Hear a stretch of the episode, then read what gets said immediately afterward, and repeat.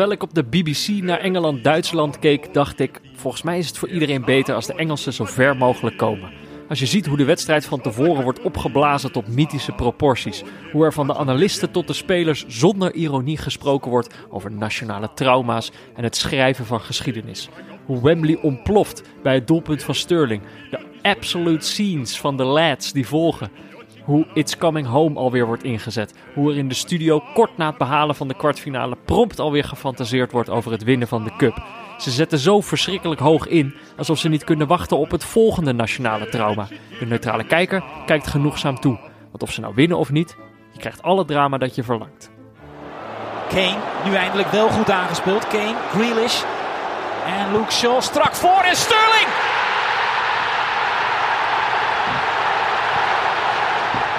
Ja, Jordi. Ja, Peter. Gisteren uh, begonnen we hoog in de emotie. Vandaag beginnen we een beetje uh, laag in de emotie. Ja. Och, of uh, laag in de energie bedoel ik eigenlijk. Nou ja, we, we moeten gewoon een, een, realistisch beeld schetsen, dag in, dag uit. En dat zal ook... dus dan is vandaag deze energie passender bij de dag. We hebben net een half uur gekeken naar mensen die op het gras liggen, die op de grond gaan liggen. Ja, dat was. Uh, schijnbaar zat er toch een soort aantrekkingskracht. Of is het heel lekker gras daar in Schotland? Uh, ja, nee, het was Schots gras. En ze gingen voor mijn gevoel heel Schots spelen. Gewoon elkaar de hele tijd trappen geven. En iedereen die ging liggen. Uh, maar. Wat heb je de rest van de dag nog gedaan? Nou, ik had, ik had gisteren iets gedaan. Vandaag niet zoveel, moest werken. Maar gisteren vond ik het niet gepast om het te vertellen. Nee, maar gisteren moesten we gewoon meteen die wedstrijden in. Maar vandaag Vandaag vind ik dat we die ruimte hebben. Ja, en ik vond het. Ik, vond, ik, ik, uh, ik kwam zo onverwachts in een, in een situatie terecht, Peter. Waarvan ik dacht, ja. In de stoel zat ik al te smikkelen om het s'avonds aan jou te vertellen. Nou, toen zaten er uh, 68 doelpunten in de weg. Maar uh, ik ga vaak naar de kapper, vlak bij jou in de buurt. Oh. en die, die kapperszaak is een soort van altijd in beweging. Het is mhm. net alsof er, een, uh, alsof er steeds wisselende coaches zijn die, uh, die de, de interieuropstelling veranderen. Ja, ja, ja. En uh, de laatste tijd gaat dat erg hard. Maar ik, ik, heb, ik merk nu wel eigenlijk dat sinds de kapperszaken weer open zijn, dat er nu eindelijk een soort van rust in de zaak is. Hij is helemaal anders aangekleed, heel druk geworden met kleurtjes en harde muziek. Daar mhm. ben ik niet zo, niet zo fan van. Maar ja, ik ben er een keer toevallig naar binnen gelopen. En ik ben wat dat betreft heel trouw als het de eerste keer goed was. Uh, het zijn. Uh, ja, met kappers is dat ook een beetje. Het is echt een vertrouwenskwestie, hè? Ja, dat vind ik wel. Dat vind ik wel. Ja. En ja, ik, ik ben wel echt de makkelijkste klant. Want ik heb nog nooit, als iemand een spiegel aan de achterkant van mijn hoofd deed, dat ik zei van, hm, doe nog maar een beetje omhoog. Ja, ik zeg gewoon, ja, prima. Ik wil gewoon hetzelfde model, iets korter en uitgedund. En that's it, weet je. En schim baard, dankjewel. Maar dat is dus uh, Capsalon TND. Mm Tinus Nico Dirk. Dames en heren, ik kan het absoluut aanraden. Maar toen ik zo'n beetje klaar was met de behandeling... Toen werd het wat rumoerig om me heen. De, de andere uh, kapper, het, zijn twee mannen en één vrouw. En die andere twee waren vrij. Of tenminste, die waren, hadden geen klant op dat moment. En toen werd mij gevraagd van... Uh, met handen en voeten, zeg maar van zou je even daar kunnen gaan zitten in een andere stoel? En vind je het goed als we jou filmen? Moest je op de TikTok? Ja. Van kapperij TND. Ja, ja. maar wat gebeurt er nou? Dat is dat uh, uh, er is een soort. Uh, ze hadden wel een heel plande campagne, zeg maar. Dus zeiden van: Vind je het goed? Ik zei: Ja, natuurlijk, dat vind ik heel hartstikke leuk. Doe maar. Ik zag al zo'n, uh, je ziet nu wordt veel verkocht van die TikTokkers die gebruiken zo'n extra lichtje, zeg maar, zo'n rondje Mhm. om voor de belichting. Die zag ik al in de hoek staan. Dat had mijn eerste waarschuwing moeten zijn. Maar de bedoeling was, Peter, er, er hing een tv waar muziek op werd afgespeeld. Mhm. Die, uh, was, uh, die stond aan op YouTube. En dan zochten ze een soort van mooie achtergrond, bosrijke omgeving.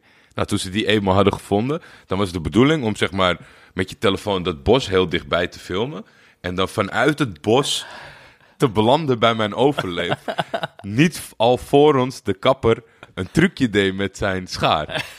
Ja, het was echt gewoon zo surrealistisch. En ik, ik, ik, ja, ik dacht, ik ga niet lachen, want elke keer bij de volgende take weer, weet je, dan, ik moet wel serieus zijn.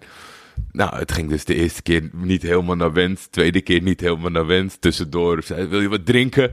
Ik zei, nou ja jongens, weet je, dat, ik, ik had zoiets van, ik zei wel dat ik tijd had, maar ook weer niet zoveel tijd. Ik moet straks voetballen kijken. Nou ja, de derde of vierde poging waren ze uiteindelijk erover te spreken, over het eindresultaat. En eh, heb ik me akkoord gegeven dat ze het kunnen gebruiken. Zodra hij online komt, want Oh, ik, ik dat denk is dat... ook eh, nog niet zo. Nee, er zit nog. eh, Ik denk dat ze het heel serieus. Dat ze nog misschien wat editwerk eroverheen gooien. Ik ben natuurlijk wel een professionele kapperzaak. Even een ander, gewoon een ander gezicht erin. Ja, op, het, eh, op het moment dat ik mezelf, eh, of misschien dat je mijn gezicht niet ziet, maar dat je mijn overloop kan beschouwen, zal ik hem in de show notes zetten. Jij, zat, jij zat gewoon opeens bij de nieuwe Hanni Hanna in de, in de ja, zaak. het was, het was zo surrealistisch en ik liet het maar gewoon een soort van, weet je, ik ben dan toch te, te bescheiden of te rustig dat ik na poging 5 zeg van, hé hey jongens, ik, eh, ik ga naar huis, dit, eh, dit duurt me allemaal te lang. Ik vind het ook grappig dat, volgens mij, je ziet ook op, eh, op, op Twitter wel eens van die screenshots of, shots of filmpjes voorbij komen. Dit is volgens mij een beetje waarvan kappers nu het idee hebben dat dit, dit moet nu. Ja. Dit hoort er nu bij. Mhm. Maar meestal zijn het dan echt de meest blitse kapsels, weet je wel. Echt de, de, de meest idiote shit. Ja. Dat het, doet het natuurlijk goed op TikTok. Ja, maar dus jij ik kijkt vind nu- het dan wel, jij wel kijkt naar de grappig. Oh. voorkant naar mij, hè? Als je mijn over, als je mijn achterkant ziet hoe dat is, eh, dat is Die is TikTok-waardig. Daar staat PB7. Net als tijdens de Afrika Cup. Nee, ja, het, ik vond het zelf ook niet zo indrukwekkend. Het enige waar ik nog, of het enige waar ik nog een opmerking over wilde maken is dat kapper, eh, mijn kapper, die moest filmen. En die andere ging de show stelen, want die had ook Hey, een hoedje. hallo. En dus het is helemaal niet zijn werk. Wat, dus nu zie jij hem een salto maken met een schaar, maar dat is helemaal niet zijn werk. Online, alles is nep. Echt alles is nep. Alles is in scène gezet. Je kan niks vertrouwen. Maar dat was dus eigenlijk het verhaal dat ik gisteren met je wilde delen. Ja, ja, nou ja, jammer dat, dat je het gisteren moest laten, maar eh, ik ben blij dat ik het alsnog eh, te horen heb gekregen. Oh, ik had, vandaag had ik het wel een beetje zwaar, had jij dat niet? Nee, ik, ik, ik was echt eh, goed opgestaan. En ik, ik had in ieder geval het idee dat totdat er nieuw voetbal is, wordt dit gevoel mij niet afgenomen. Maar jij had het zwaar. Nou ja, gisteren zo gepiekt. Ja, Beetje het gevoel, eh, een soort kater. Een soort Nee. eh, di- dinsdagdip eh, noemen ze dat volgens mij. Gewoon, het was natuurlijk ook dinsdag, maar dat je gewoon de ene avond zo gepiekt hebt, dat gewoon mijn, mijn adrenaline was een beetje op. ja Dus zo. ik moest me vandaag wel weer een beetje, een beetje opladen. Maar dat was natuurlijk ook wel, wel vrij makkelijk. Want er stond natuurlijk wel echt een... eh, om zes uur stond meteen eigenlijk het, het toetje op het programma.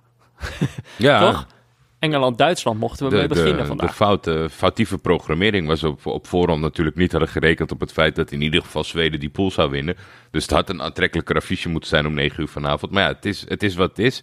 We hadden overigens geen rectificaties, maar we hebben wel Nee, één, misschien eh, was dat een soort vriendelijkheid dat ze dachten... dit was gewoon de beste neutrale kijkersdag ooit. Laten we ze dan niet eh, Ja, maar wat ik... helemaal wat, kapot wat, eh, checken. soms, soms denk ik, misschien breng ik het zelf te slecht over of zo. Er waren een paar mensen die zeiden van... Haha, je zei dat het 1921 was in plaats van 2021. Ik moest gewoon snel naar een, naar een oud jaartal zoeken. Ja. Het ging omtrent het dansje natuurlijk. Ja. Maar alleen Ietwer, die begreep het. En, eh, Ja, want we eh, hadden, we hadden het over de kritiek van Marco van Basten op het dansje van Paul Pogba. Ja. En toen zei ik cynisch van... We Ja. leven natuurlijk in 1921, dus dat is belachelijk. Ja, maar ik begreep dat. Ja, jij wel. Maar jij bent ook een hele slimme gozer. Maar je moet ook rekening houden met driekwart van onze luisteraars. Die hun basisschool blijkbaar niet hebben afgemaakt. Welk jaar is het? Nee, ja, eh, sommige mensen hebben gewoon moeite met cynisme. Dat Dit is waarom mensen niet rectificeren. Omdat ze dan meteen geflamed worden door jou. Driekwart hebben we nu alweer belachelijk gemaakt. Nee, ja, dus... eh, nee, het, opvallend, eh, mensen die ik hoog had, heb zitten... uit die hoek kwamen. Daar schrok ik een beetje van. Thomas Hoogeling begon erover. Hè? Tim de Gier begon erover. Jongens, jongens, jongens. Even, Ja. even scherp blijven. Ja, Ik dacht, dat, eh, ik dacht dat wij het zwaar hadden. Maar sommige mensen die, eh, zitten er blijkbaar al helemaal doorheen. Maar ja, het bruggetje naar de wedstrijd. En dan kan ik eigenlijk meteen openen met... Ik heb hier al meerdere en ook op Twitter tirades afgestoken over al die landverraders die overschakelen. En nu hoor ik in jouw intro dat jij een van hen bent geworden. Ik keek op de Brit. Ik Ben heb- jij dat, Peter? Ik heb op de Brit gekeken. Oh. ja. Eh, ja, maar ja, ik, ik, eh, we kregen natuurlijk een tweetje hè, vanmiddag al van, Hmm. eh, van, van de Blanke Bogarde. Die had natuurlijk al eerder gezegd van je moet een keer naar de BBC kijken, want Rio Ferdinand die Met getekende die, baard. Die kleurt, die kleurt zijn baard zwart met stift. En ehm, ik wilde dat toch gewoon elke keer met eigen ogen zien. En ze begonnen gewoon op de Brit begonnen ze natuurlijk al lekker vroeg met het uh, vooruitblik op de wedstrijd. Gary, vriend Gary, zat al uh, in Wembley samen met uh, Alan Shearer en met Rio Ferdinand dus en met Jurgen Klinsmann. Dat was de, de Duitser van dienst op de BBC. Ja, ik dacht, ik, ik had het een beetje nodig. Ik zei toch, ik had een beetje een dipje. Mm dus ik had het wel nodig om een beetje zo die wedstrijd inge, ingepraat te worden. Nou, en dat kunnen ze wel bij de BBC. Uh, prachtige filmpjes gemaakt. Dat hele trauma hebben ze, hebben ze uitgebreid uh, belicht. Het trauma dat vandaag, uh, waar vandaag mee afgerekend zou moeten worden. Spelers die hun eigen geschiedenis gaan schrijven in plaats van, weet je wel, geconfronteerd worden met de geschiedenis van bijvoorbeeld Gareth Southgate. Ehm, die ooit die beslissende de penalty, penalty miste. Uh, wat ik voor vandaag niet had kunnen vertellen. Ik heb dat nooit gezien. Maar dat, uh, dat was dus heel fijn. Dat, die betekenis hebben ze er bij mij helemaal... Ze wisten me wel te hypen voor die wedstrijd. Ja, en dat, dat is ook misschien een beetje dat ik misschien vastklamp aan... Het, het, toernooi is nou eenmaal zo gelopen dat ik een soort van weinig van de voorbeschouwingen meepak. En het eigenlijk in principe altijd op, op de Nederlandse zenders kijk. Maar als je dan zeg maar de, de, de, de voor- en tussen- en naprogrammering, want tijdens de nabeschouwing, dan zitten wij al hier. Eh, als je dat niet helemaal meekrijgt, is er voor mij ook niet zo heel veel aanleiding om, om elders te zeppen. Ik krijg geen uh, hoge bloeddruk van Frank Snoeks. Uh, ik, tuurlijk heb je je voorkeuren, maar, maar ja, ik snap wel zeg maar, dat als jij zeker vanuit de dip-situatie en je wil de verhalen of, of je wil klaargemaakt worden voor de wedstrijd die je zo gaat kijken, Mhm. ja, dan ben je toch elders be- beter. En in ieder geval bij thuisland. Ze hebben mij wel een beetje... Ze hebben me wel gevangen, denk ik. Hebben ze ingepakt? Ja, maar daar, daar moeten we het misschien straks even over hebben. Uh, want eigenlijk, zeg maar, dat zij die wedstrijd zoveel betekenis wil, uh, wisten te geven in de voorbeschouwing, dat had die wedstrijd aanvankelijk ook wel nodig. Uh, er was natuurlijk aan het begin een momentje waar Engeland heel eventjes schrok, denk ik. Goretzka die twee keer zomaar door die verdediging uh, kon wandelen in de eerste vijf minuten. Ja, makkelijk als je eruit ziet als de hulk en ja. nog snel bent. ja, gaan mensen blijkbaar meteen uh, voor je aan de kant. Rice die pakte al heel vroeg uh, geel daarmee. Um, maar verder was het gewoon een beetje een padstelling. Engeland had zich natuurlijk aangepast. Die gingen met drie man achterin spelen. bij Duitsland deden ze dat al de hele tijd. Ik zou niet liever, niet liever willen, dat weet men ook, dan credits geven. Maar ik, ik, heb het niet opgeslagen en ik heb het wel vandaag voorbij zien komen tijdens de wedstrijd. Iemand tweeten, omdat jullie in het wit en zwart spelen, betekent niet dat jullie moeten gaan schaken. nou ja, dat, dat was, was, uh, dat was een fijne, fijne opvatting uh, van de eerste helft. Uh, en toch opmerkelijk, hè, dat, dat oké, okay, weet je, komen ook zo, zeg maar, in de diepteanalyse komt ook, zeg maar, de mindset op dit moment van Engeland goed naar voren. Mhm. Dat kan je dan weten. Maar dat Duitsland toch maar één avond een soort van heeft kunnen swingen. Want eh, ja, ongeacht de Duitsers waren zwaar kritisch. Ik zag net de cijfers van de beeld voorbij komen. Daar lusten de honden geen brood van. Ik geloof dat Allemaal alleen nullen. Havertz en, en Neuer, die, die zijn de dans ontsprongen. De rest is echt met de grond gelijk gemaakt. Ja, Havertz was natuurlijk ook degene die in de eerste helft uh, als eerste op doel schoot. Een momentje had. En uh, Pickford die tikte hem net over de lat. Anders was hij denk ik uh, onderkant lat binnengevlogen. Ja. Technisch mooi schot. Maar dus ja, dat, ik, ik, ik vind dat wel. eh, eh, ik vind het toch wel gek, omdat die piek. Je kan wel zeg maar een goede avond hebben, maar dan. Ja. Toplanden hebben dan niet zo'n enorme terugval op zo'n kort tijdbestek. Het kan wel zo zijn als je zo meteen aan een andere reeks begint, in een kwalificatiereeks of zo, dat je dan onherkenbaar bent. Dat kan wel. Maar op één Ja. zo'n toernooi, nou, dan kan je zeg maar een soort van gemiddeld hebben en dan heb je een keer een piek. Maar Duitsland, inclusief vandaag, eh, enorm teleurstellend. Er hing een soort gek... één eh, magistrale wedstrijd. Er hing, er, hing, er hing iets geks over Duitsland. En dat zit een beetje aan het einde van de wedstrijd. Dus daar kan- kunnen we denk ik straks het ook nog eventjes over hebben. Mhm. Eh, eerst moeten we dan denk ik nog hebben... Het was natuurlijk heel veel schaken, deze Ja. wedstrijd. Vlak voor rust. Eén stuk wa- was nog niet gebruikt. Het stuk waarvan de Engelsen denken dat het hun, hun koningin is. Toch, dat is eigenlijk het beste stuk dat je hebt. Maar die helemaal niet zo goed... Het is eigenlijk een koning die de hele tijd stilstaat. Ik weet niet wat ik, waar ik heen ga met deze metafoor. Maar eh, Harry Kane kwam gewoon niet in het spel voor. Was Ja. gewoon weer onzichtbaar. En, en hij, dan oogt hij opeens traag. Kwam gewoon helemaal niet in het spel voor. En dan vlak voor rust is er een moment... die bal valt opeens per ongeluk voor zijn voeten. Eh stond geen buitenspel. En eh, dan wil hij de, de keeper eerst nog eventjes uitspelen... voordat hij hem binnenschiet. En dan is daar Hummels... die die bal echt fantastisch wegleidt. En die had vlak daarvoor ook al een voorzet op Kane waar hij zich zo voorwierp. Kane die was in zijn hoofd al die bal aan het binnenschieten. En hij kopte hem zo eh, achter, Humos. Maar ja, dat was eigenlijk een beetje, een beetje alle actie. En ik zat gewoon alweer te kijken en denk ik... Het is inderdaad al dat schaken van Engeland. Maar Kane is wel de speler met wie ik het meeste moeite heb in dat team. Omdat ik gewoon... Ja, als neutrale kijker snap ik gewoon niet waarom de BBC-commentator blijft volhouden dat het een world-class world class striker is. Ja, is ik ook niet. Ik ook niet. En ik, ik, ik denk zelfs, ondanks de opvatting van, maar ju- misschien wel juist door de opvatting van Engeland, zit hij ze enorm in de weg. En ver, ver- ver- vermoeilijkt hij de, de, de- het plan, zeg maar, omdat het met hem niet zo heel lekker uit, uit te voeren valt. Nee, en dan ga je, hij gaat de hele tijd variëren op de flanken. Ja. Vandaag waren het dus Sterling en, en Saka, die natuurlijk eerder een goede indruk had gemaakt. Maar eigenlijk ben je alsnog heel beperkt in, dat, eh, in het variëren nu. Ja, Want omdat die spits de hele tijd dezelfde is. Ik denk dat daar zit de echte eh, verrassing straks op het moment dat je daar gewoon iemand anders neerzet. Maar ja, het is de aanvoerder. Zij denken dat hij heel erg goed is. Ja, ik dacht op een gegeven moment in de tweede helft had hij even een momentje dat iedereen eh, dacht, oh, is er wat met hem?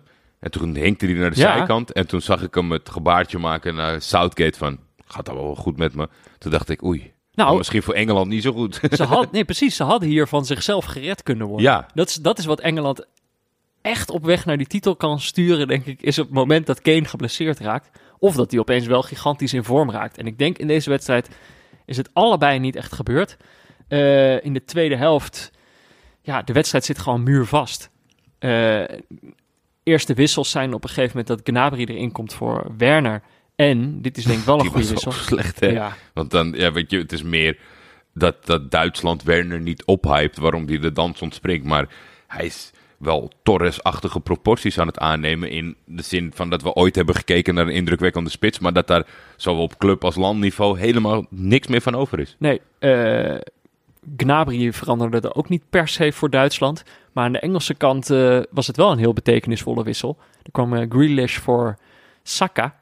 En dat is eigenlijk eh, die aanval waaruit, waaruit eind- uiteindelijk de 1-0 van Sterling valt. Begint eigenlijk bij een struikelpartij van, Ster- van eh, Grealish. Ja, Die, eh, die, ik weet niet, die had, had geen nop onder zijn schoenen of zo. Die, die glibberde over het, over het veld. Vervolgens gaat die bal naar de andere kant van het veld. Is het Sterling zelf die de aanval opzet. Ik heb, ik heb het idee dat, dat je hier wat ziet uit, goed uitpakken. Wat veel trainers hopen, maar vaak niet zo goed uitpakken. Want dan heb je vaak van eh, deze speler gaat eerst de tegenstander vermoeien. Ja, En dan komt er iemand anders in. En dat was wel echt hoe het uitviel. Want er, was, er is natuurlijk met Phillips en Rice, Shaw, Trippier, Sterling, Saka. Er is niet echt iemand met overzicht en, en creativiteit. En Grealish kwam erin. En dat was dan toch wel een beetje de factor Nou, die het... eh, Ik moet het, ik moet het dan toch opnemen voor de Yorkshire Pierlo. Was ook in deze wedstrijd, was hij, eh, zag ik hem wel weer een paar eh, paasjes geven. Kelvin Phillips. Hij is niet slecht. Hij Nee. is niet slecht, maar je hebt wel meer nodig dan, dan dat, toch? En hij heeft ook wel- weinig flair. Dat is misschien natuurlijk wel wat je met Grealish br- brengt. Ja, en hij heeft gewoon een, een, een, een groot takenpakket. En zo'n Grealish in een, in een laatste van de fa- fase van een wedstrijd... die met gewoon eh, de vrije geest mag invallen... en niet te veel verdedigende taken... dat kan echt iets openbreken. Ja, en dit was, nou, het was letterlijk openbreken. Want, of nou, niet letterlijk, maar dit was wel wat die wedstrijd echt nodig had. Hij zat muurvast en hiermee eh, werd, hij, eh, werd hij opengebroken. Stond het opeens 1-0 voor Engeland. Nou ja, Wembley eh, ontploft. Mensen werden helemaal, helemaal gek. Gingen de filmpjes ook al wel weer rond van... eh, Maar hoe bijzonder, hè? Ja, dat, dat Sterling dat maakt. Dat- Oh. Die is natuurlijk daar in de buurt opgegroeid. die woont daar heel dichtbij. Ja, Die woonde in Wembley. In de soort trap, net een soort Harry Potter-achtig eh, huisje woonde, En hij heeft- eh, woonde Sterling. heel lang geleden heeft hij een tattoo laten zetten... van een kleine jongen die opkeek naar Wembley. Ja, Het is echt het is een verhaal, die, dat kan je mij elke dag vertellen. Dat het vind is ik een zo soort, mooi. eh, soort drosten-effect, hè? ja. Er staat Sterling in Wembley met Wembley op zijn rug. ja, het- En hij staat zelf ook op zijn rug. Je moet daar niet te lang over nadenken, want anders ga je te diep. Dus dan moet je, op een gegeven moment moet je dat proberen los te laten. Dan wil ik het toch nog even bij deze goal hebben over de aangever. Dat is Luke Shaw. Hier kwam natuurlijk voor de Blanke Bogarda kwam alles samen. Die hoopte op een mooi moment voor Shaw en hoopte voor Sterling. Sterling natuurlijk bekend. We zullen zien wat morgen die gore tabloids in Engeland er nu weer van weten te maken. Ja. Eh, terwijl, het, ja, eh, hij redt de natie. Ik heb prachtige foto's gezien, volgens mij met zijn zoontje langs het veld. Dus het zou wel weer echt knap zijn als die, als die shitzooi eh, het weer kunnen draaien. Maar ik blijf toch wel zeggen... Wat, die is... Die, ook, ik kom er niet helemaal uit. Die is toch gewoon niet topfit? Nee, als je hem Is toch gewoon een beetje chubby? als je, hem- als je hem op straat ziet, denk je niet, oh, dat is een profvoetballer. Nee, dat is, een, dat is iemand uit de entourage van Maguire die gaat zuipen. nee, maar ik, ik, ja, ik, ik ben nou niet iemand die daar vaak over, over valt. Of ik, het is ook helemaal niet eh, dat ik hem belachelijk maak of zo. Alleen ik vind in het moderne voetbal. En vooral ook, ik vind het indrukwekkend dat hij gewoon 90 minuten kan meekomen op het niveau. Want elke keer als je van Ja, wat de ik zijkant... zeggen, jij zegt dat hij niet, hij ziet er niet fit uit, maar volgens mij is hij dat wel. Ja, maar dat, dat kan. Sommige, sommige mensen hebben natuurlijk ook uh, Ailton van Werder Bremen. Ja. Die was, die was eh, 1,20 en 100 kilo. Ja, nou, die was, die was hartstikke snel en stond altijd in de basis. Dus het kan, maar ja, het blijft. Ja, misschien is het ook wel gewoon het niet, eh, het, niet het beste eh, afgeklede tenue. Dat, dat hele wit van Engeland. Nee, hij heeft dat altijd wel. Het is me wel vaker opgevallen Ja. bij, bij Luke. Opmerkelijk. Eh, maar inderdaad, toch dat fijne momentje. Hij is natuurlijk al... hij, heeft, hij werd flink te grazen genomen door Mourinho, die blijkbaar nog een eh, appeltje met hem te schillen Hoe zielig ben je dan als, als trainer, zeg maar? Dus dan gaat het altijd om het collectief. Dat je people management doet. En dan heb je een soort persoonlijke vendetta in, in, naar, Ga je een- dikke jongetje-. Ga je dikke jongetje pesten? Ja, maar ja, het, is, het is zo klein van die Mourinho. Want ja, dat weten we inmiddels wel. En dan toch, ja, misschien hebben ze tijdens de wedstrijd eh, eh, een heleboel eh, dreigposts gedaan op social media. Waardoor ze toch nog Kane in een soort Morata wisten te veranderen. Ik, eh, ik ben benieuwd wie van de twee heren het meest heeft aan zijn doelpunt. Want dit ja, is, Kane dit maakte 2-0 is, inderdaad. dus Kane maakte 2-0 op een niet zo indrukwekkende wijze. Gewoon een goede spitsengoal. En dat is ook Ja, wel, wel Grealish die hem aangeeft, hè? Zeker. En Shaw die het, eh, die het balletje op, eh, op Grealish geeft. Ik zou het ook wel ergens weer mooi vinden als zowel Kane als Morata aanslaan. Want dan, dan kan je zien dat de spits, het maakt helemaal niet uit of hij nou met zijn scheenbeen binnenpropt. Dat dat een vertrouwensboost geeft of een wereldgoal maakt à la Morata. Dus dat dat niet zoveel uitmaakt. Jij mist nog een momentje. Want Oh. vlak na die 1-0 gaat eh, Thomas Müller in zijn eentje op Jordan Pickford af. Ben je dat vergeten? Heb je dat niet meegekregen? Die, eh, die gaat zijn eentje op het doel af. Sterling laat zich al op zijn knieën vallen. Omdat hij bang is dat de, dat de 1-1 eh, binnengeschoten wordt. Maar die bal gaat centimeters naast. Het zag eruit alsof hij hem ging maken. Thomas Ja. Müller vertrouw je in principe ook wel zo één op één. Maar net naast komen allemaal met de schrik weg. Nog nooit een doelpunt gemaakt op een EK. En dat is zo Thomas gebleven. Müller, ja, dat is zo gebleven. Want ja, in de 85ste minuut maakte Kane de, de 2-0. En dat was toch wel echt een genadeslag. En dan zijn we denk ik bij het probleem van Duitsland. Wat is, wat is er aan de hand met deze ploeg? Waarom konden zij naar de 1-0 niet... eh, Recapituleren. nou ja, ik had, ik had bijna het gevoel dat ze zoiets hadden van... Ach joh, het is ook wel prima zo. Het gek is natuurlijk dat, dat, dat die Leuf ook al zijn vertrek had aangekondigd.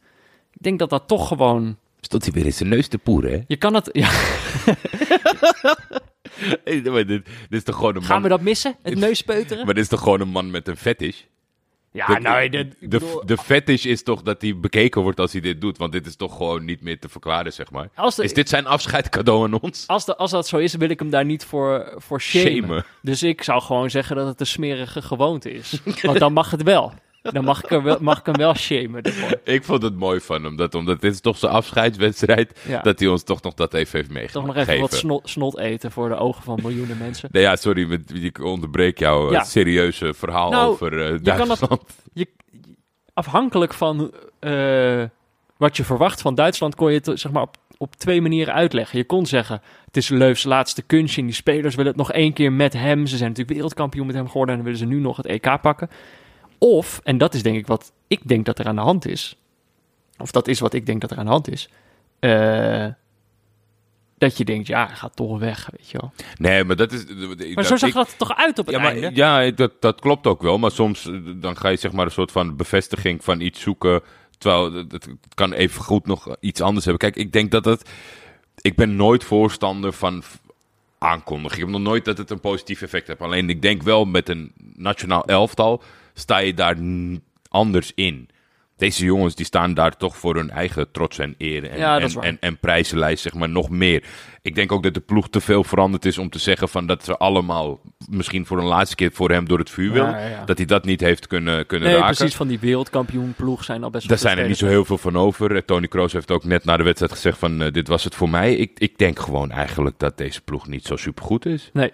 Die mist gewoon, eh, die, er, ontbreekt, er ontbreekt wat in, in de breedste zin. Dus ze hebben eigenlijk niet echt een aanvaller. Eh, achterin Nou, houdt heel, veel, heel veel aanvallers, maar geen spits. ja, de achterste lijn houdt niet helemaal over. Eh, mensen die eerst zijn weggestuurd, die nu weer moesten terugkomen. Alle sentimentjes bij elkaar. Het is gewoon, het is gewoon geen goede, niet, geen, geen, geen uitstekende ploeg meer. Moet ik dan nu uitleggen waarom ik, waarom ik me, waarom ik hier al, al It's Coming Home zingend binnenkwam? Dat mag.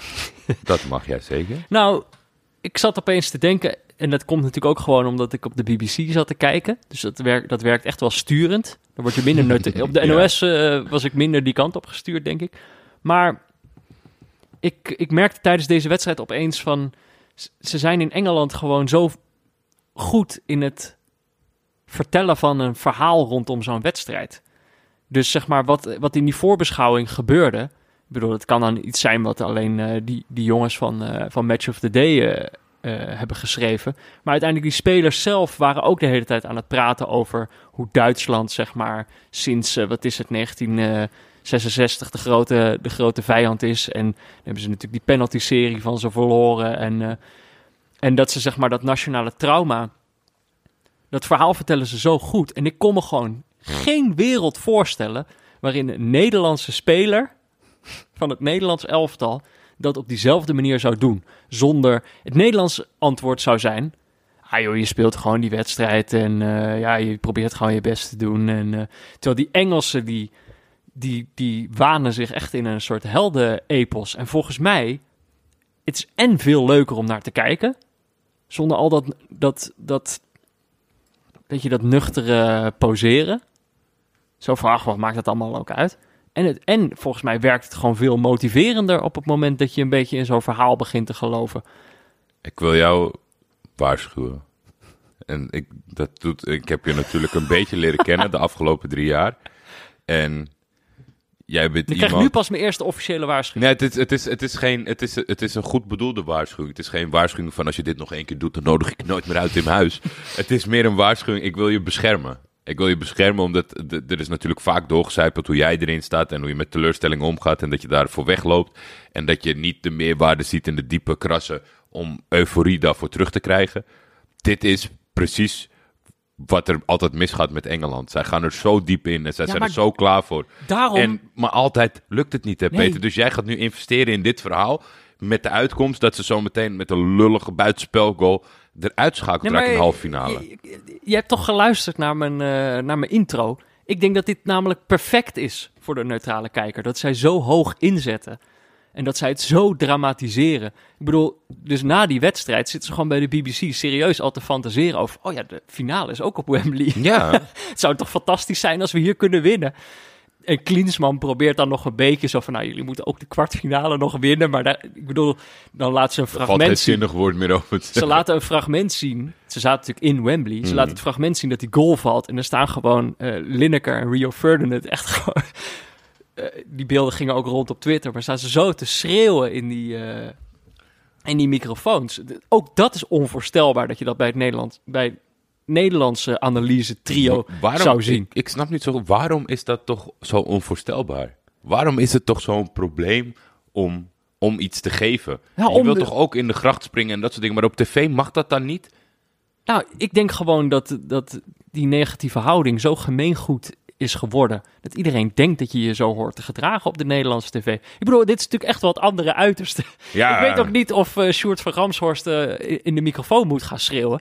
Maar eh, ik denk dat voor de neutrale kijker is, is zeg maar... je ziet ze gewoon al head first dat nieuwe nationale trauma ingaan. Hmm. En dat is gewoon...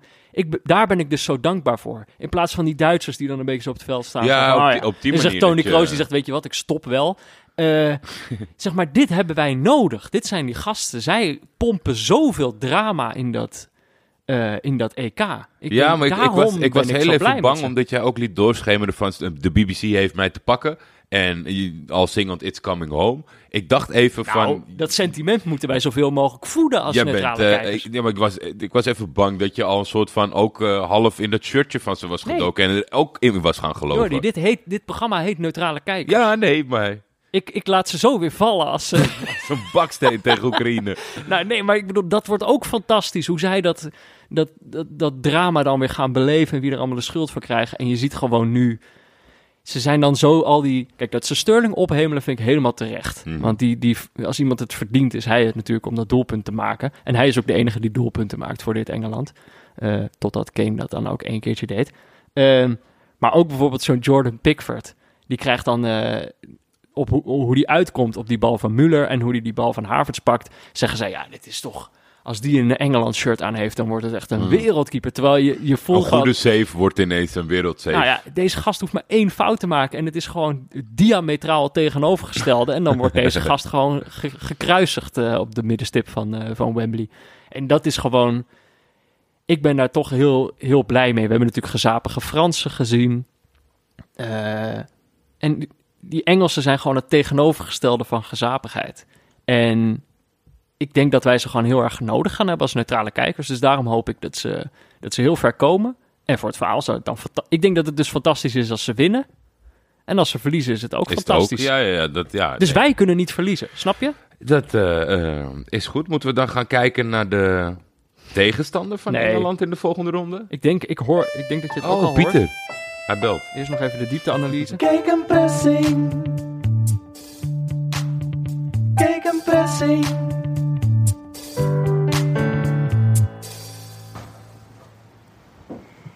Garrett Southgate is geen vriend van de neutrale kijker. En misschien is dat wel de schuld van de datajongens.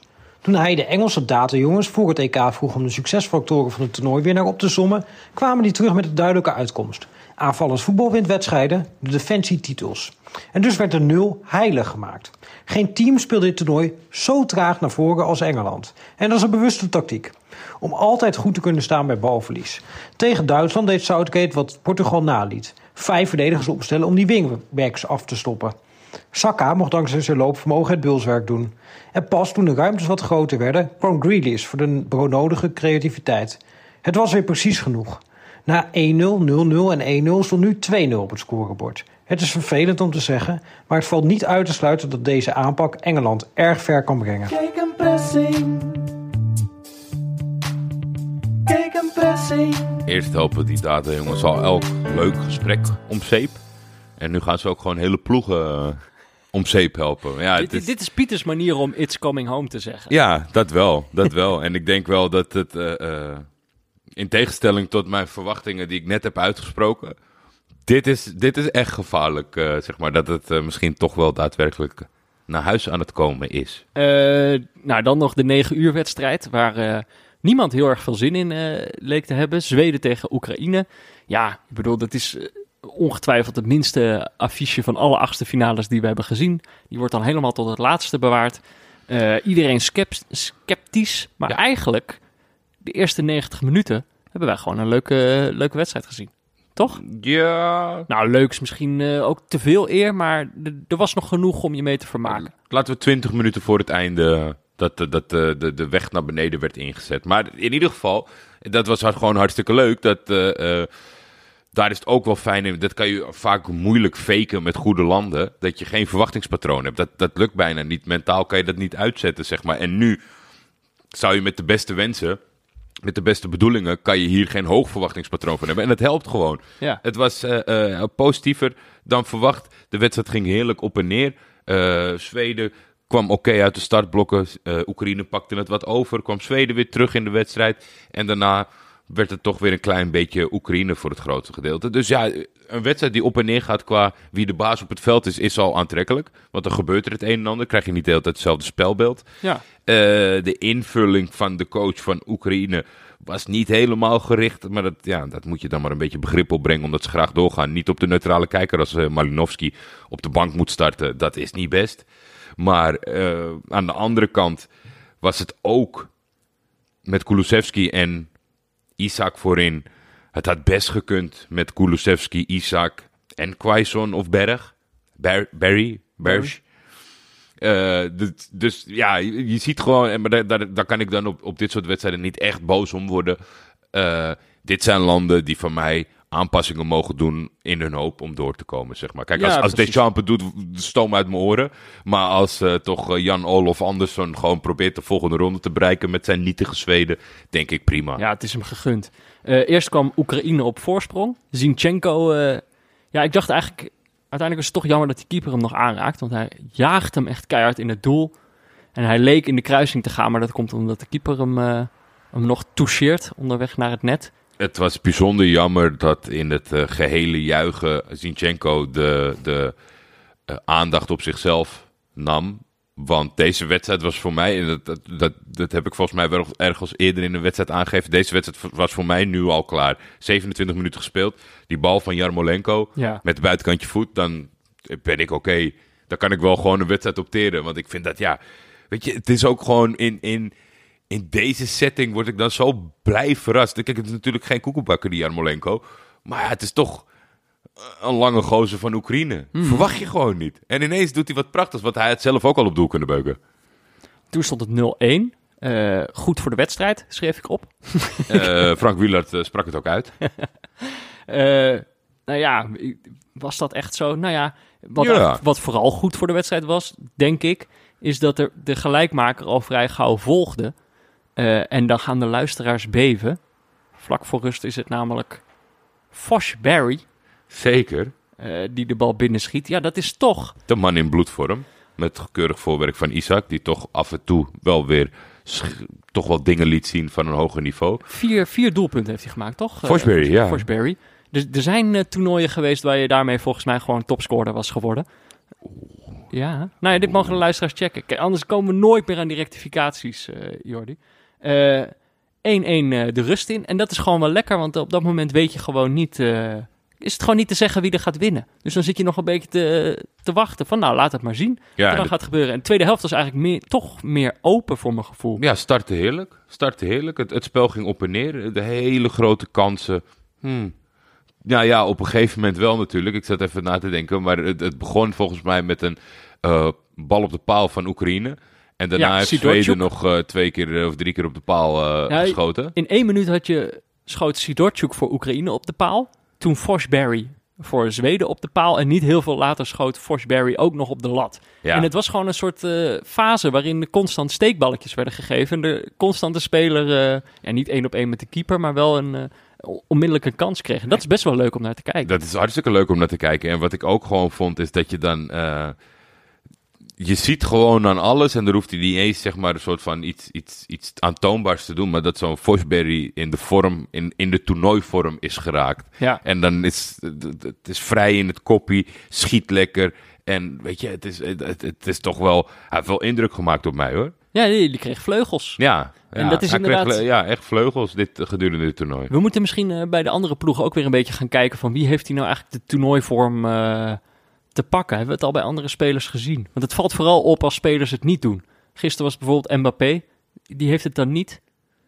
Nou, nee, die had het niet. moeten we beter op letten. Maar For- Forsberry had het wel. Maar nu breekt dan inderdaad een beetje zo dat laatste kwartier aan. Ja, en waarbij, je, waarbij ik op een gegeven moment tegen jou zei... Ja, dit is dan een wedstrijd waar ik niet per se een verlenging nodig heb. Nee, en ik denk dat, dat veel, veel kijkers ter wereld hetzelfde een beetje voelen, behalve in Oekraïne en Zweden. Maar het is natuurlijk ook gewoon een logisch gevolg dat we moeten de complimenten geven aan eh, de landen die dan tot een kwartier voor tijd alles durven te geven om het voetballend op te lossen. Maar dat je in dat laatste kwartiertje huiverig wordt van jongens, als wij doorzetten en we zijn één keer te laat, dan zijn de gevolgen zo groot. Dus nu moeten we even gas terug. Ja, Dus ik, ja, weet je, het, is ook, het zijn allemaal wel eh, begripvolle situaties geweest, waardoor ik er nog oké in zat. En dan gaan we naar de verlenging toe. Uiteindelijk eh, zitten wij toch vooral naar de klok te kijken. En verdorie, ja. het wordt weer laat. Weer laat naar bed. Volgens mij van, van de vier speeldagen bij deze achtste finale hebben we drie keer eh, verlengd bij, in de late wedstrijd. Ja, nou, Ehm, als eerste komt eh, aan de kant eh, van Oekraïne twee wissels. Besjedin en Makarenko. Een gezellige naam, Makarenko. Eh, lekker koekje, lekker Oekraïns koekje. Dan doet eh, Jan-Olof Andersson een, een, een triple wissel. Eh, en die vond ik wel fors. In de zin van, hij had Kulusevski. Fosh. Je vond hem wel Fosh. ja, Kulusevski, Isaac en Larsson eruit. Nou, dat is toch wel een soort van... de drie spelers als je Zweden treft in een computerspelletje... Ja. die laat je wel staan op basis van punten. Weet je wat ik ook een beetje het gevoel had bij deze verlenging? Eh, dat ik dacht van ja, misschien moet je ploegen ook gewoon de keuze geven van je mag ook meteen naar penalties. En als ze dat allebei willen, dan, dan kan je dat ook doen. Want hier had ik het gewoon het gevoel van deze ploegen weten van elkaar dat ze eigenlijk helemaal niet heel erg hun best gaan doen om dat doelpunt nog te maken. Ze willen allebei het liefste gewoon penalties doen. Ik denk, Dus waarom moeten wij dan nog een half uur kijken naar twee ploegen die het allerliefste gewoon die penalties willen nemen?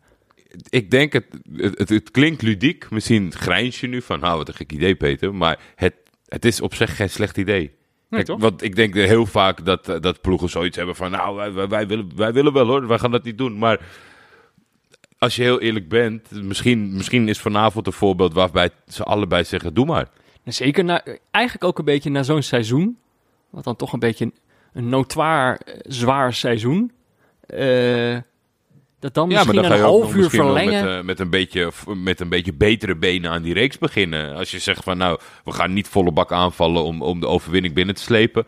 Dat je dan kan zeggen, nou dan neem ik liever iets fitter die penalties. Eh, maar ja, uiteindelijk hebben we heel lang zitten kijken naar mensen die op de grond liggen.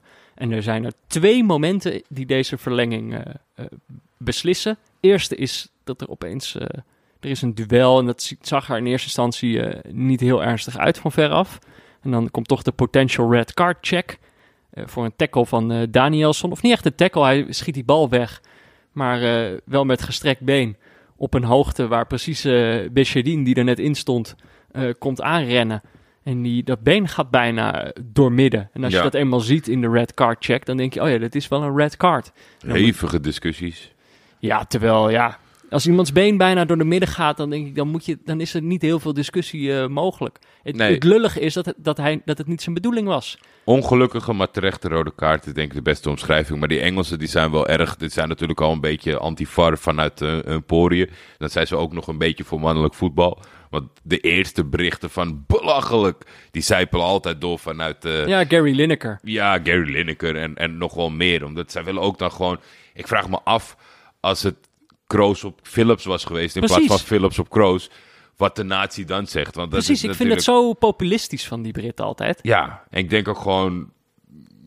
Hou je mond maar over die andere wedstrijden. Zeg maar inhoudelijk op, op, op, op overtredingen. Want we kennen het nou wel, zeg maar, dat het zogenaamd hard bij jullie is. Maar volgens mij valt het in de Premier League al jaren enorm tegen. Dat zij niet meer de robuuste competities zijn waar eh, centrale verdedigers drie tanden missen, et cetera. dat, is gewoon, dat is niet meer. En dit is gewoon 100% niet intentie. Heel ongelukkig. Je neemt wel een risico met dat been.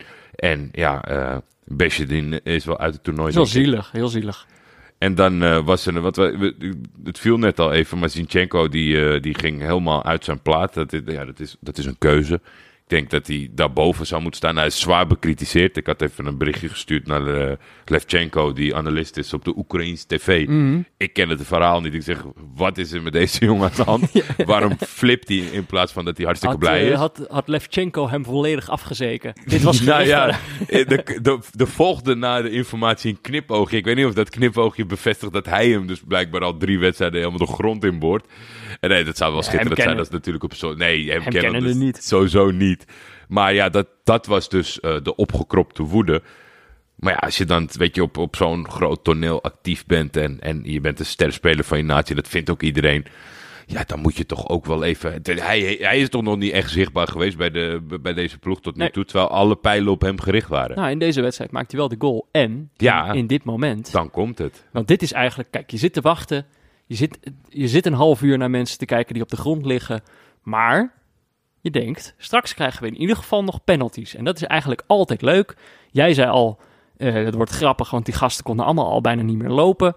Eh, dit, dit zou een hilarisch slechte penalty-serie worden. Dat, eh, dat, daar zette ik op in. Ja, In tegenstelling tot gisteren, waar alles in de, in de bovenhoek vloog. Ik had wel het idee dat hier misschien af en toe de intentie was om hard te schieten, maar dan een rolletje uit je Ja. voeten kwam. maar daar zaten we ons eigenlijk op te verheugen. En dan is één iemand, iemand die ons dat plezier eh, ontneemt eh, op assist van inderdaad Zinchenko. En dat is niemand minder dan Dovbik. Artem Wie Dovbik. kent hem niet? Artem Dovbik van Dnipro. Rafael van der Vaart, denk ik. Ondanks dat het zijn teamgenoot is geweest bij Micheland. Maar eh, ja, nee, ja. droom voor de jongen, toch? Nog heel weinig interlands gespeeld. Nog En- geen rol eh, op dit eh en een toernooi. knappe goal, toch? Heel knap binnengekopt. Het is natuurlijk wel een invaller, dus eh, verse benen. Ja. Het is in die situatie op de 121ste minuut bijzonder knap dat Sinchenko hem zo kan neerleggen. Maar hij werkt hem af, de, de held voor vanavond. En ja, toch wel Oekraïne op een podium zometeen, wat we misschien niet allemaal voorspeld hadden. Nee. Eh, en Zweden uit het toernooi, ja, daar, daar schrokken ze zelf ook een beetje van. Die waren gewoon met hun hoofd al bij de hilarisch slechte penalty-serie. Ja, Net als wij. Forsberry, misschien grote transfer. Kulusevski Ja, zichzelf die- weer eh laten Forsberry zit toch al bij Leipzig, toch? Ja, maar dat is toch wel gewoon... Kan een stapje hoger, denk jij. Op basis van dit toernooi. Ik proef dom Premier League geld. Hij kan op basis van het Poborski-principe, daar is hij Oh ja, het Poborski-principe. Hij kan een mooie transfer maken, denk jij. Ik, ik, ik vind wat, hij, wat jij terecht zegt, hij zit al bij een mooie club. Maar ik, ik voorspel echt domme stacks Premier League money. Oké, nou, daar kijk ik naar uit. Eh, kunnen we daarbij laten, toch? Verder. Zeker. Het was niet, het was niet de leukste achtste finale om mee te eindigen, maar het was niet een, eh, een lege, betekenisloze wedstrijd. Slechtere wedstrijden gezien. Eh, zeker van niet nader te noemen ploegen. eh, was, het, was het veel slechter aanzien. Hier gebeurde tenminste nog wel wat. Eh, nou ja, morgen hebben we weer een rustdag en de dag daarna ook. Wat we daar in godsnaam mee gaan doen, daar zullen we het zo over hebben. Maar eerst even een berichtje van onze sponsor.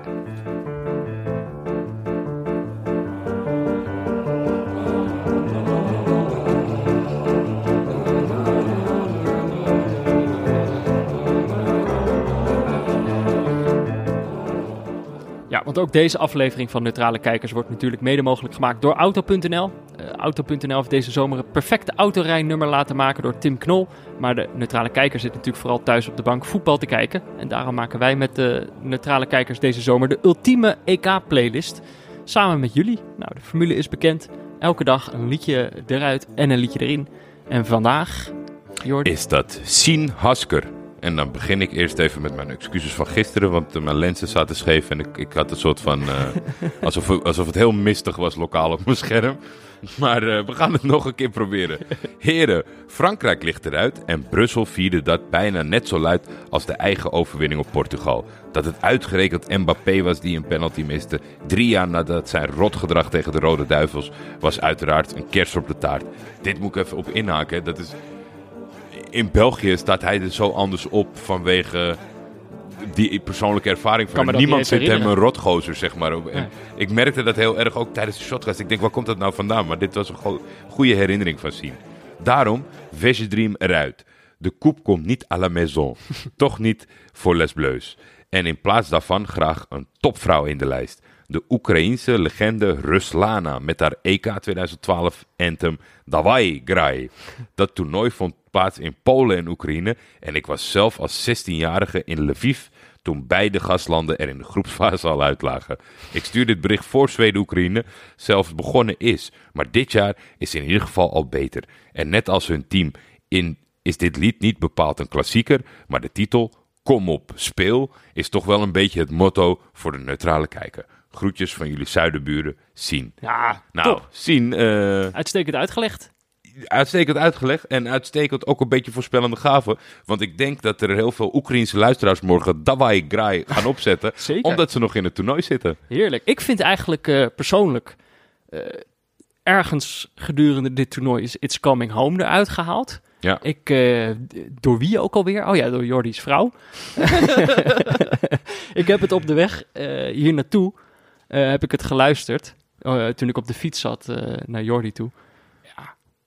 Er zijn al meerdere Ik wil, pogingen gedaan om het terug te krijgen. Dus het, het, het, zal, wel, het zal wel terugkeren. Die denk sfeer ik, moeten, we- moeten wij voeden als neutrale kijkers. Maar ja, maar kijk, zien, weet je, jouw persoonlijke Ja. dingetjes omtrent deze lijst, die kunnen me gestolen worden. Want jij hebt ook dat, spel, dat nummer van de speld erin gezet. En eh, weten geen allemaal 24 uur later was, eh, was alle oranje kledij in, in, de, in de prullenbak. Ja, ja, sorry. Dus we het gewoon maar overlaten aan de, de luisteraars.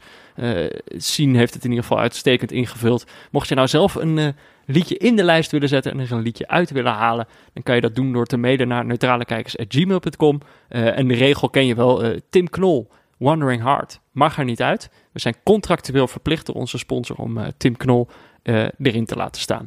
Eh, nou ja, dus morgen op de rustdag heb je extra veel tijd om de playlist te juist luisteren, eh, Jordi. Ja, heerlijk. Sterker nog, je hebt helemaal geen, eh, geen voetbal om naar te kijken. Dus eh, de ultieme neutrale kijkers EK-playlist in samenwerking met Auto.nl. Luister hem op Spotify. Ja, wat moeten we morgen dan doen? Een rustdag. Ergens heb ik het een beetje, beetje nodig. Mhm. Ik bedoel, we hebben natuurlijk gisteren enorm gepiekt. Moeten we eventjes bijkomen. Ehm, maar we gaan natuurlijk naar de kwartfinales toe. Wat zijn het? Kan je ze nog even eh, opnoemen? Eh, dat kan ik wel, Peter. De kwartfinales zijn geworden België, Italië. Leuk. Heel slecht kleurenfilter heeft de VI eh, eh, gebruikt. Dat ik even ging twijfelen of dit de Italiaanse vlag was. Zwitserland tegen Spanje.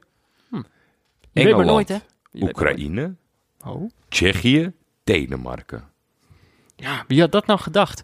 Weet je wat, we, wat ik trouwens nog niet eens had genoemd? Maar Nou. die pool des doods, weet je nog? Die zijn, De pool des doods! die zijn allemaal naar Die zijn huis. allemaal al naar huis. Dus hoe, hoe dodelijk was die pool nou echt? Het was gewoon hun eigen dood. Dat was er eh, doods aan. Iets wat we gisteren... Gisteren zaten we natuurlijk hoog in de euforie. En we Mhm. komen natuurlijk nu al... eh, eh, ik ben al teruggekomen op iets van gisteren. Maar later die avond zag ik een, een tweet van Lord of the Wind. Die zijn per definitie goed. En die had een kandidaat voor de slechtste kop deze Euros. En dat was van de, denk ik, Zwitserse krant Bliek. Liberté, egalité, viertaalfinale. nou, dat is toch verschrikkelijk? Nou ja, laten we, ehm, misschien gaan wij met de titel van deze aflevering wel een gooi doen. eh.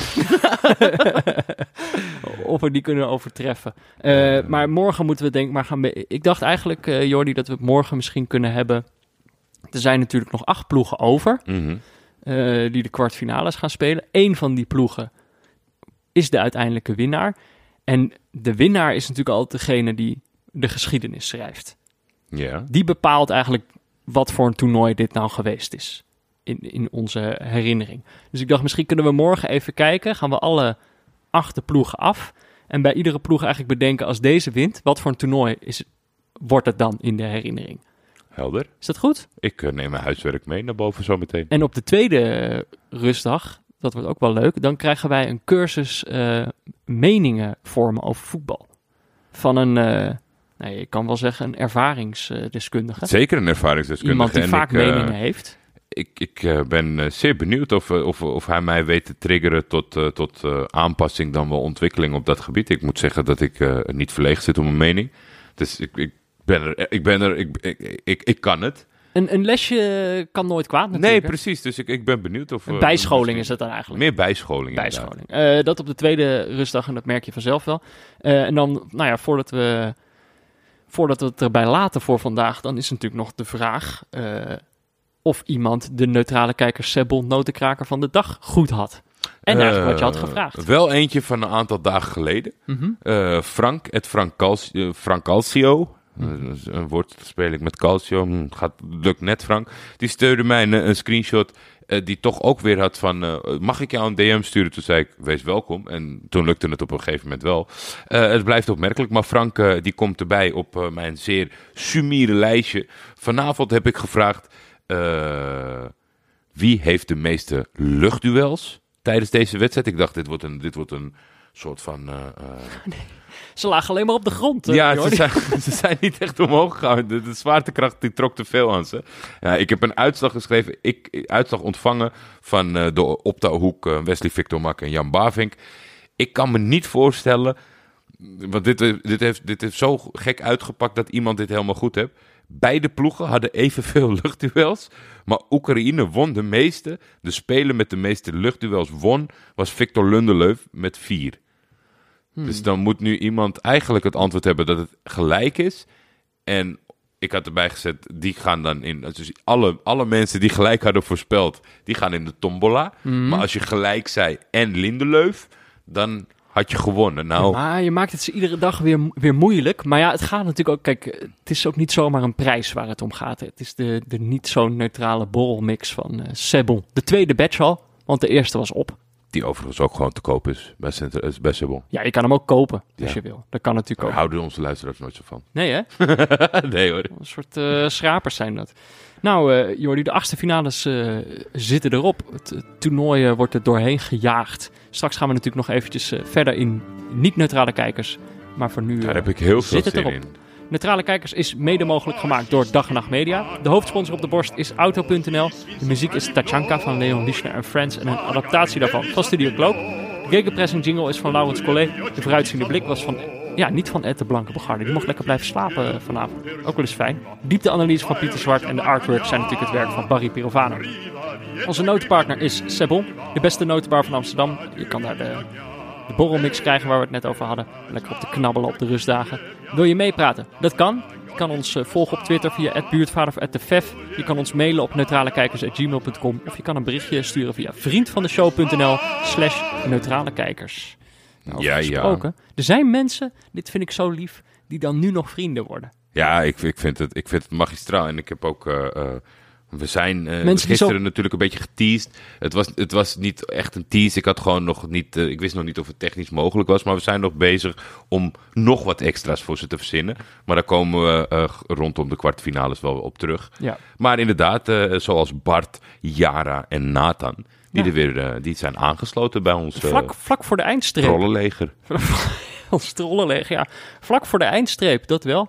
Ja, Ehm, want dat, is, dat moeten we er wel bij zeggen. Kijk, leuk dat mensen eh, vrienden worden. Maar lees wel eventjes goed de, de, de voorwaarden op eh vriendvandeshow.nl slash neutrale kijkers. Ja, ik geloof wel dat mensen dat goed doen. En mensen die erover twijfelen, die sturen ook vaak een app of een appje. Ah, ja. een, een, een, een tweet en dan leg ik even leg ik uit hoe het zit. En dan, nou, dan komt dat weer helemaal goed. Dus eh, wat dat betreft, ja, en het is toch fijn voor deze mensen dat de namenlijst eh, terug is. En Ja. ook een beetje voor ons. Oeh, nou ben je aan het verklappen. Ik vind, ik vind eigenlijk dat we geheim moeten houden wat we, wat we vanaf nu in eh niet-neutrale Oh. kijkers doen. Want dan, nou ja, we zullen de inhoud niet verklappen. Maar daar is het natuurlijk heel leuk. Het is super gezellig. Daar is het super gezellig. Vrienden, tot zo. Luisteraars, tot morgen. Tot morgen.